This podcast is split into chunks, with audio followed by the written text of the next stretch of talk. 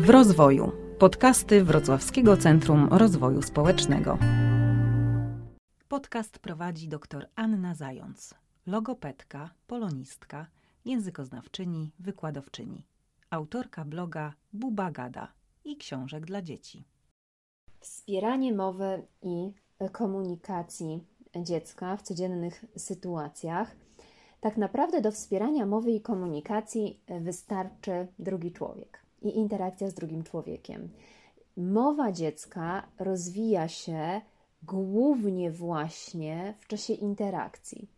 I to jest podstawowa rzecz. Także jeśli ktoś mnie pyta, co jest potrzebne, jakie metody do tego, żeby dziecko mówiło, to ja zazwyczaj odpowiadam ty, drogi rodzicu, opiekunie, jesteś potrzebny do tego, żeby u dziecka rozwinęła się mowa. E, ja jestem e, generalnie bardzo ostrożna w nadużywaniu słowa stymulowanie mowy dziecka. Stymulowanie mowy dziecka brzmi bardzo tak planowo. E, ja już sobie wyobrażam, jak stymulujemy taką mowę roczniaka, pokazując mu na przykład obrazki, stymulujemy w ten sposób go do mówienia. Absolutnie tak sobie tego nie wyobrażam, jeśli mamy zdrowe dziecko, prawidłowo rozwijające się. E, dlatego, że dziecko musi doświadczać. A nasze zadanie to jest obserwowanie tego dziecka, słuchanie go ale jednocześnie czekanie. To są takie trzy słowa klucze, które powinniśmy zachować w takiej codzienności. Co to znaczy obserwowanie? Ano, wyobrażam sobie to w ten sposób, że taki roczniak na przykład bierze kubek. I ja mu wtedy mówię: O, kubek! On robi na przykład w ten sposób, bo on jeszcze nie mówi albo mi pokazuje, więc ja go słucham. I mówię, tak, kubek, pijemy z kubka. I czekam, jeszcze czekam na jego reakcję, żebym mogła odpowiedzieć. Tu jednocześnie zachowaliśmy takie dwie rzeczy, które są bardzo istotne dla rozwoju komunikacji. Pierwsza rzecz to jest takie stworzenie wspólnego pola uwagi, czyli e, to, że ja widzę dziecko, dziecko widzi mnie, że ten kubek jest takim czymś, co nas łączy w tej wspólnej rozmowie. A druga rzecz to jest relacja naprzemienna, która wymaga od nas słuchania, ale jednocześnie czekania na odpowiedź to są rzeczy oczywiste, o czym ja mówię. To są rzeczy bardzo proste, ale często trudne do zastosowania. One też są podstawowe w pracy i w terapii z dzieckiem. I powinny nam przyświecać, bo my bardzo często, kiedyś nawet się mówiło, żeby gadać do dziecka, gadać, gadać, gadać.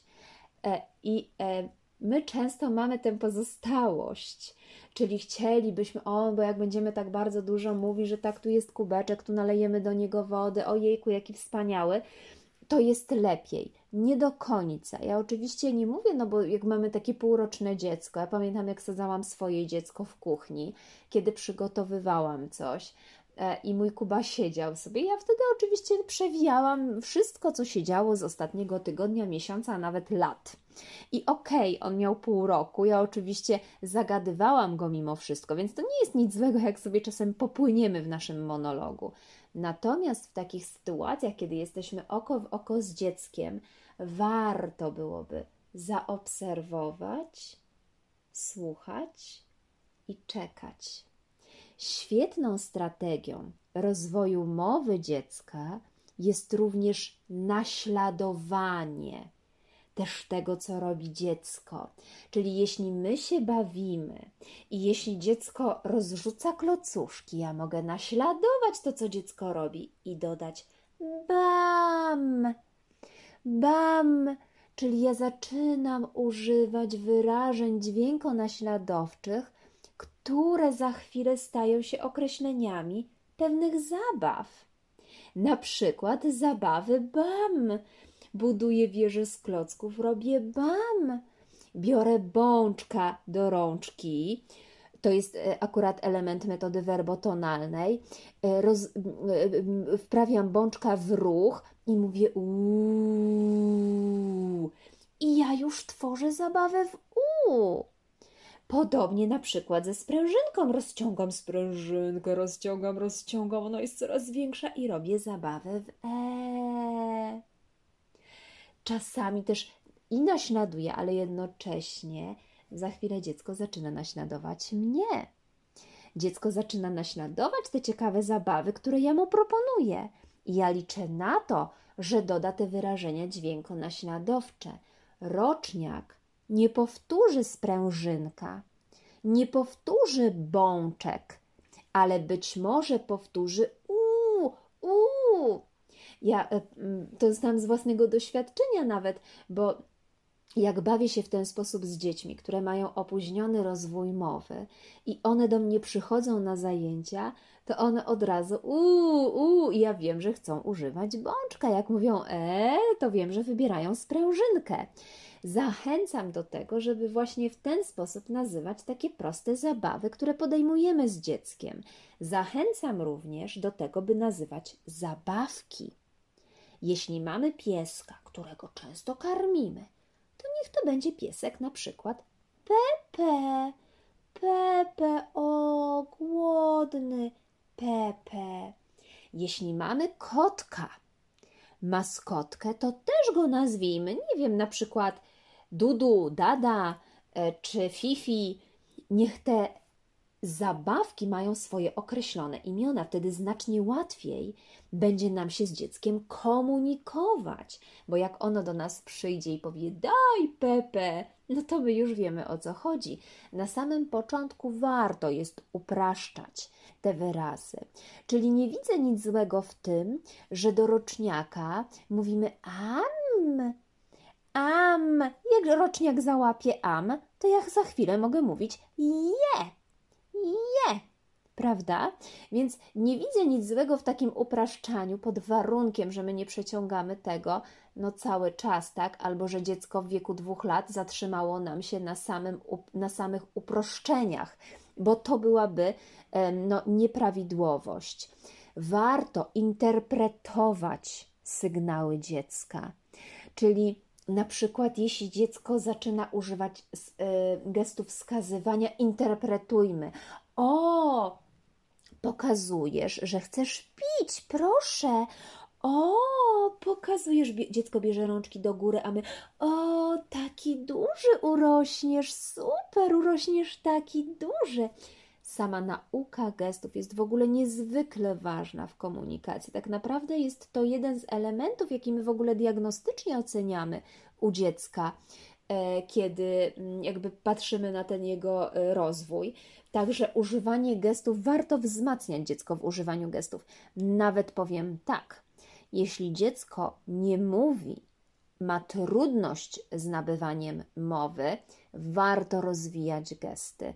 Nieprzypadkowo wprowadza się dzieciom, które mają poważniejsze zaburzenia, oczywiście w rozwoju, w nauce mowy czy komunikacji, alternatywne formy komunikacji, polegające właśnie niektóre na użyciu gestów dlatego że one pozwalają dziecku wyrazić intencje, pozwalają dziecku coś zakomunikować. To jest niezwykle istotne i jeśli mamy dzieci, które mają zaburzenia ze spektrum autyzmu, niepełnosprawność intelektualną lub jakieś, jakiekolwiek inne zaburzenia, trudności, warto rozważyć wprowadzenie alternatywnych metod komunikacji po to, żeby ułatwić dziecku kontakt ze światem. Tak naprawdę języka uczymy się zanurzając się w tej językowej rzeczywistości. Bardzo często słyszę od rodzica: Pani Aniu, ale ja czytałam, ja naprawdę robiłam bardzo dużo, żeby to dziecko zaczęło mówić. I ja w to wierzę. Istnieją czynniki środowiskowe, które mogą powodować opóźniony rozwój mowy lub trudności inne związane z rozwojem mowy czy komunikacji. E, I wcale nie mówimy tu o rodzinach tylko i wyłącznie patologicznych w sensie jakichś ubogich. Mówimy o rodzinach patologicznych w sensie ubogich w bodźce, albo wręcz przeciwnie, jakby fundujących dzieciom zbyt dużo bodźców kosztem konwersacji, rozmowy, bycia razem. Czyli patologią jest zarówno to, jeśli dziecko jest na jakby y, pozostawione same, samo sobie i mało kto się nim interesuje w domu i sobie po prostu leży y, i właściwie mało z nim rozmawiamy, mało się nim zajmujemy. Patologiczne jest również to, kiedy dziecko ma zbyt dużo bodźców dookoła, czyli super ekstra zabawki grające, świecące, do tego tablecik na super chwytaczku, e, ale my mało temu dziecku poświęcamy uwagi. Ja mówię tu o skrajnych przypadkach, rzadko tak się dzieje, bo dziś rodzice mają przeogromną świadomość tego, właśnie jak rozwijać tę mowę i też bardzo proszę być tu ostrożnym, by nie przesadzić. Najważniejsze w takim prawidłowym rozwoju jest po prostu bycie z dzieckiem, ta interakcja, to czekanie, to słuchanie, to obserwowanie, to poznawanie takiej językowej rzeczywistości świata. To jest fajne. Do tego naprawdę nie potrzeba, proszę zobaczyć, jakichś y, wyszukanych zabawek. Wystarczy sprężynka, wystarczy spinacze, które naciskane robią pa, pa, pa albo po, prawda? I od razu ćwiczymy motorykę małą. Ja, e, kiedy mam dzieci właśnie na takim pierwszym czy drugim spotkaniu i przychodzi rodzic, on jest niesamowicie zdziwiony, jak dziecko reaguje na te zabawki, które ja mam w gabinecie, bo okazuje się, że dziecko nigdy w rączce nie miało spinaczy. E, bo mama wyszukała super ekstra edukacyjne zabawki, grające, śpiewające i mówiące hał, hał, mu. Ja oczywiście nie mówię tutaj, że mama robiła źle, bo mama, mamie wydawało się, że to jest ok, ale ja wtedy mówię: słuchajcie, wycofajcie to, wycofajcie to, podłóżcie dziecku takie zabawki, którym samo dziecko nada dźwięk. Warto też, by komentować to, co robi dziecko. Na zasadzie takiej, że no nie wiem, jeśli podrzuci piłkę, to komentujemy: O, rzuciłeś piłkę, wow, wysoko, używając przy tym mniej słów i jednocześnie oczywiście włączając wyrażenia dźwiękonaśladowcze. Ważne jest także, by posługiwać się takim językiem dość łatwym do zrozumienia. E, to oczywiście szczególnie dotyczy dzieci, który, u których rzeczywiście zauważamy jakieś tam trudności. Mówimy wtedy mniej, akcentujemy, spowalniamy trochę mowę na zasadzie o, Pepe, Pepe je i pokazujmy. Ja przestrzegam, by były to e, oczywiście same karty pracy, jakieś tam, same rysunki. No nie do końca się to sprawdzi. Róbmy to w zabawie, w doświadczaniu tej rzeczywistości. Dziecko musi doświadczyć wręcz języka na zasadzie ciepły, ojej, ciepła woda, zimny. Jak pozna kontrast, jak pozna to, że coś jest takie, a coś inne, to uczy się cech, uczy się uogólniania, różnicowania. Właśnie w ten sposób osadzajmy dziecko w rzeczywistości językowej. Należy też oczywiście dopasować język do zainteresowań dziecka, czyli jeśli aktualnie widzimy, że dziecko zaczyna bawić się konikiem, no to podejdźmy do niego. O, i haha, op, koń skacze, op, wysoko. Tak, w ten sposób. Zaangażujmy też dziecko. Angażujmy dziecko w takie codzienne czynności. Dawajmy dziecku wybór na zasadzie robimy śniadanko, podchodzimy do dziecka i co chcesz? Wodę czy sok? Trzymając w dwóch rękach, po dwóch skrajnych y, stronach wodę i sok.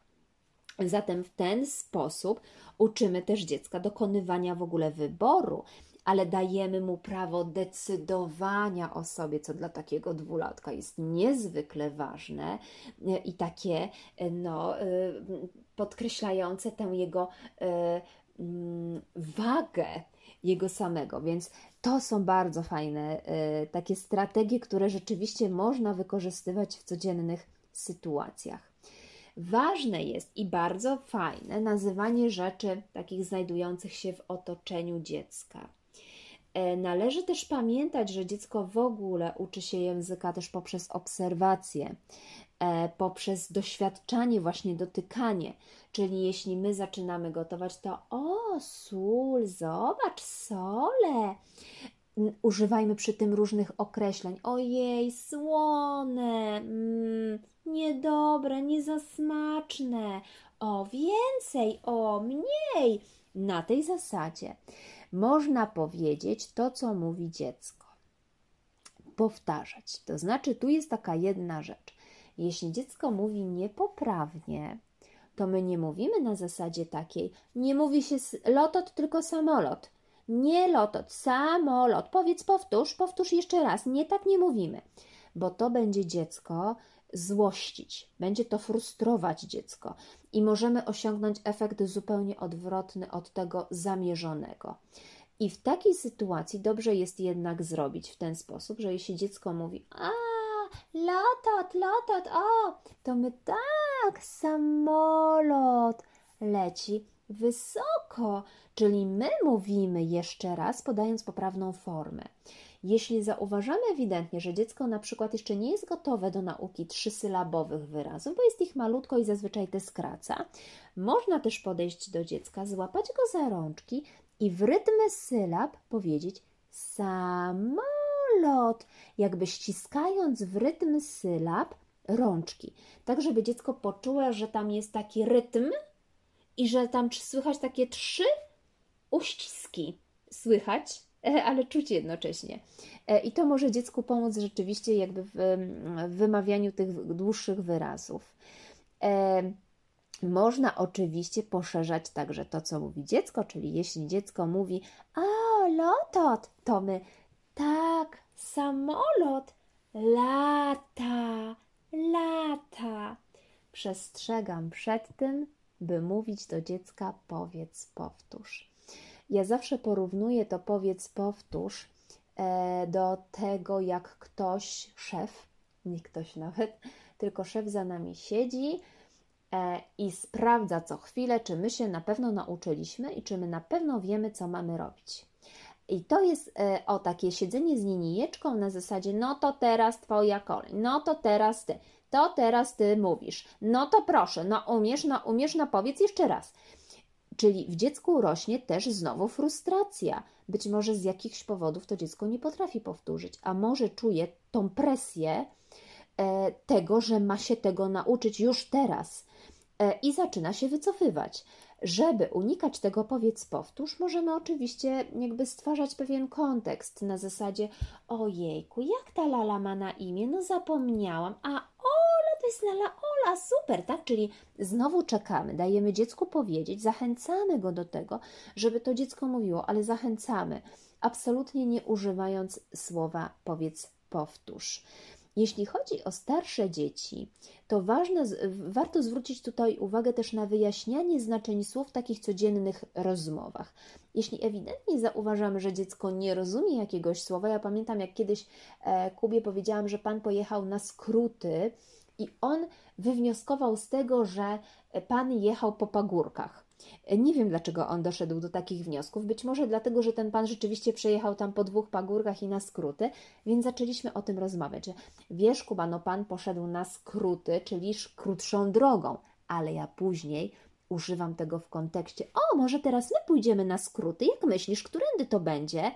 O, tak, taką najkrótszą dróżką wybierzemy. A ty wczoraj szedłeś na skróty i za dwa dni znowu to powtarzam, tak? Oczywiście to są takie słowa klucze. Wiadomo, że nie z każdym słowem będziemy tak robić, bo nie będziemy pamiętać. Być może tych słów jest więcej. Ale ja akurat to na skróty dość dobrze zapamiętałam, bo rzeczywiście z rozmowy wywnioskowałam, że Kuba, czyli moje dziecko, zrozumiało to zupełnie inaczej niż rzeczywiście miałam na myśli zadawajmy dziecku pytania. Na zasadzie, co było w przedszkolu, mhm, a, ja, a co jadłeś? I dobrze by było, żeby te pytania były otwarte. O, a była ciepła czy zimna? W ten sposób, czyli pamiętajmy w ogóle, że. Yy, jakby struktury w mózgu odpowiedzialne za rozwój języka uaktywniają się, tak wskazują badania, wtedy, kiedy dziecko wchodzi z nami w konwersację, czyli podczas rozmowy. Stąd dość istotne jest, abyśmy tę konwersację właśnie prowadzili. Nie na zasadzie takiej, że ja zalewam dziecko mową, nie na zasadzie takiej, że to dziecko zalewa mową mnie, ale na takiej zasadzie, że jakby jesteśmy obydwoje w tej rozmowie. Ja zadaję pytania, dziecko zadaje pytania mnie, ja mu odpowiadam i tak dalej. Każdy wie o co chodzi, ale każdy też zdaje sobie sprawę, bo każdy ma taką sytuację, kiedy to jesteśmy dość zmęczeni i robimy, uh no, mhm. A już jak jest etap pytań i jest 200 pytań o jedną rzecz, no to już totalnie możemy się poddać, ale niestety starajmy się jakby wznieść na wyżyny naszej cierpliwości E, i jednak kontynuować rozmowę z dzieckiem, nawet w takiej sytuacji. To jest niezwykle istotne dla rozwoju właśnie językowego. Zastanawiajmy się nad światem razem z dziećmi. Ojej, patrz, dlaczego pada ten deszcz? Patrz, jak pada. O, a co tutaj chmury? Tak, on pada z tych chmurek, ale zobacz, niedawno było słońce i teraz, prawda? Czyli tak rozkminiajmy tak twórzmy takie dyskusje fajne. Niech to dziecko poznaje właśnie ten świat, też takich zjawisk, tego co się dzieje, tego co następuje po sobie, żeby uczyło się logicznie myśleć i wyciągać wnioski. Starajmy się wzbogacać oczywiście tematykę o nowe słownictwo i jednocześnie rozwijać rozumienie u dzieci poprzez e, właśnie zadawanie pytań, upewnianie się, czy, e, czy dziecko dobrze posługuje się też danymi wyrazami, zwłaszcza takimi, e, które gdzieś tam zasłyszało, powtarza. Bardzo rodzice nieraz ubolewają nad tym, że dziecko nie lubi czytać, e, zwłaszcza ci rodzice, którzy sami lubią. E, często rodzice mnie pytają, od jakiego wieku można zacząć czytać. Ja się śmieję, że nie ma czegoś takiego jak wiek, od jakiego można zacząć czytać dziecku. E, dziecko jest w brzuchu i od razu można mu zaczynać czytać. Tak naprawdę im młodsze, tym łatwiej jest nam. Możemy przeczytać nadniemnem, bez ryzyka, że dziecko ucieknie albo stwierdzi, że to jest mało interesujące. E, także można spokojnie e, tak oczywiście się bawić e, z maluchem, natomiast wtedy, kiedy maluch już siedzi, ma takie 9 miesięcy, 10 miesięcy, rzeczywiście można włączyć takie czytanie mm, aktywne z dzieckiem, kiedy dziecko coś pokazuje, kiedy my coś robimy na zasadzie o jedzie daleko, daleko, da i tutaj zaczyna się takie podskakiwanie na kolankach, żeby to było rytmiczne, żeby to było dla dziecka ciekawe. Są oczywiście dwulatki też, które uwielbiają kicie kocie i mogą przesiedzieć już przy całej jednej części e, książeczki, e, natomiast są takie, które nie usiedzą w miejscu. I dla takich oporniaczków to ja zazwyczaj wybieram te książki, które są mocno angażujące i zaczynam je czytać sama. E, jeśli wiem, jeśli rodzic mówi, nie, nie, nie, Pani on na pewno nie podejdzie absolutnie, to wtedy ja wyciągam taką książeczkę, bardzo dobra książeczka to jest Jest tam kto? O takim tytule, tam są drzwi, które się otwiera, tak na niby oczywiście ja pukam, ojej, nie mogę otworzyć tych drzwi, puk, puk, puk, no nie mogę, nikt mi nie otwiera, no pomożesz mi, Oluś, pomóż no pani gapa, no i wtedy Oluś, no jak pani jest gapa, no to nie, nie można zrobić nic innego, jak tylko wstać i po prostu pani pomóc otworzyć te drzwi. Zatem w ten sposób zachęcam dzieci do czytania, ale oczywiście pamiętajmy, są też różne etapy rozwoju dziecka. Zatem no nie wszystko musi dziecko nasze lubić, pomimo tego, że my byśmy może bardzo chcieli. Zachęcajmy, ograniczajmy oczywiście telewizję i takie bodźcowanie dziecka, zwłaszcza do drugiego roku życia, no to już y, naprawdę do drugiego roku życia należałoby to y, ewidentnie wycofywać troszeczkę, to znaczy ograniczać zupełnie, eliminować nawet bym powiedziała. Natomiast później wszystko z głową, żeby nie było tej elektroniki za dużo, żeby ona nie odbywała się kosztem takich relacji fajnych, pełnowartościowych, e, które są w rodzinie, które są w interakcji z drugim człowiekiem. Dziękuję bardzo. Dziękujemy za wysłuchanie podcastu i do usłyszenia w kolejnych odcinkach. Podcastów w rozwoju możecie słuchać na ośmiu platformach, w tym Spotify, Anchor, Google Podcast i Castbox.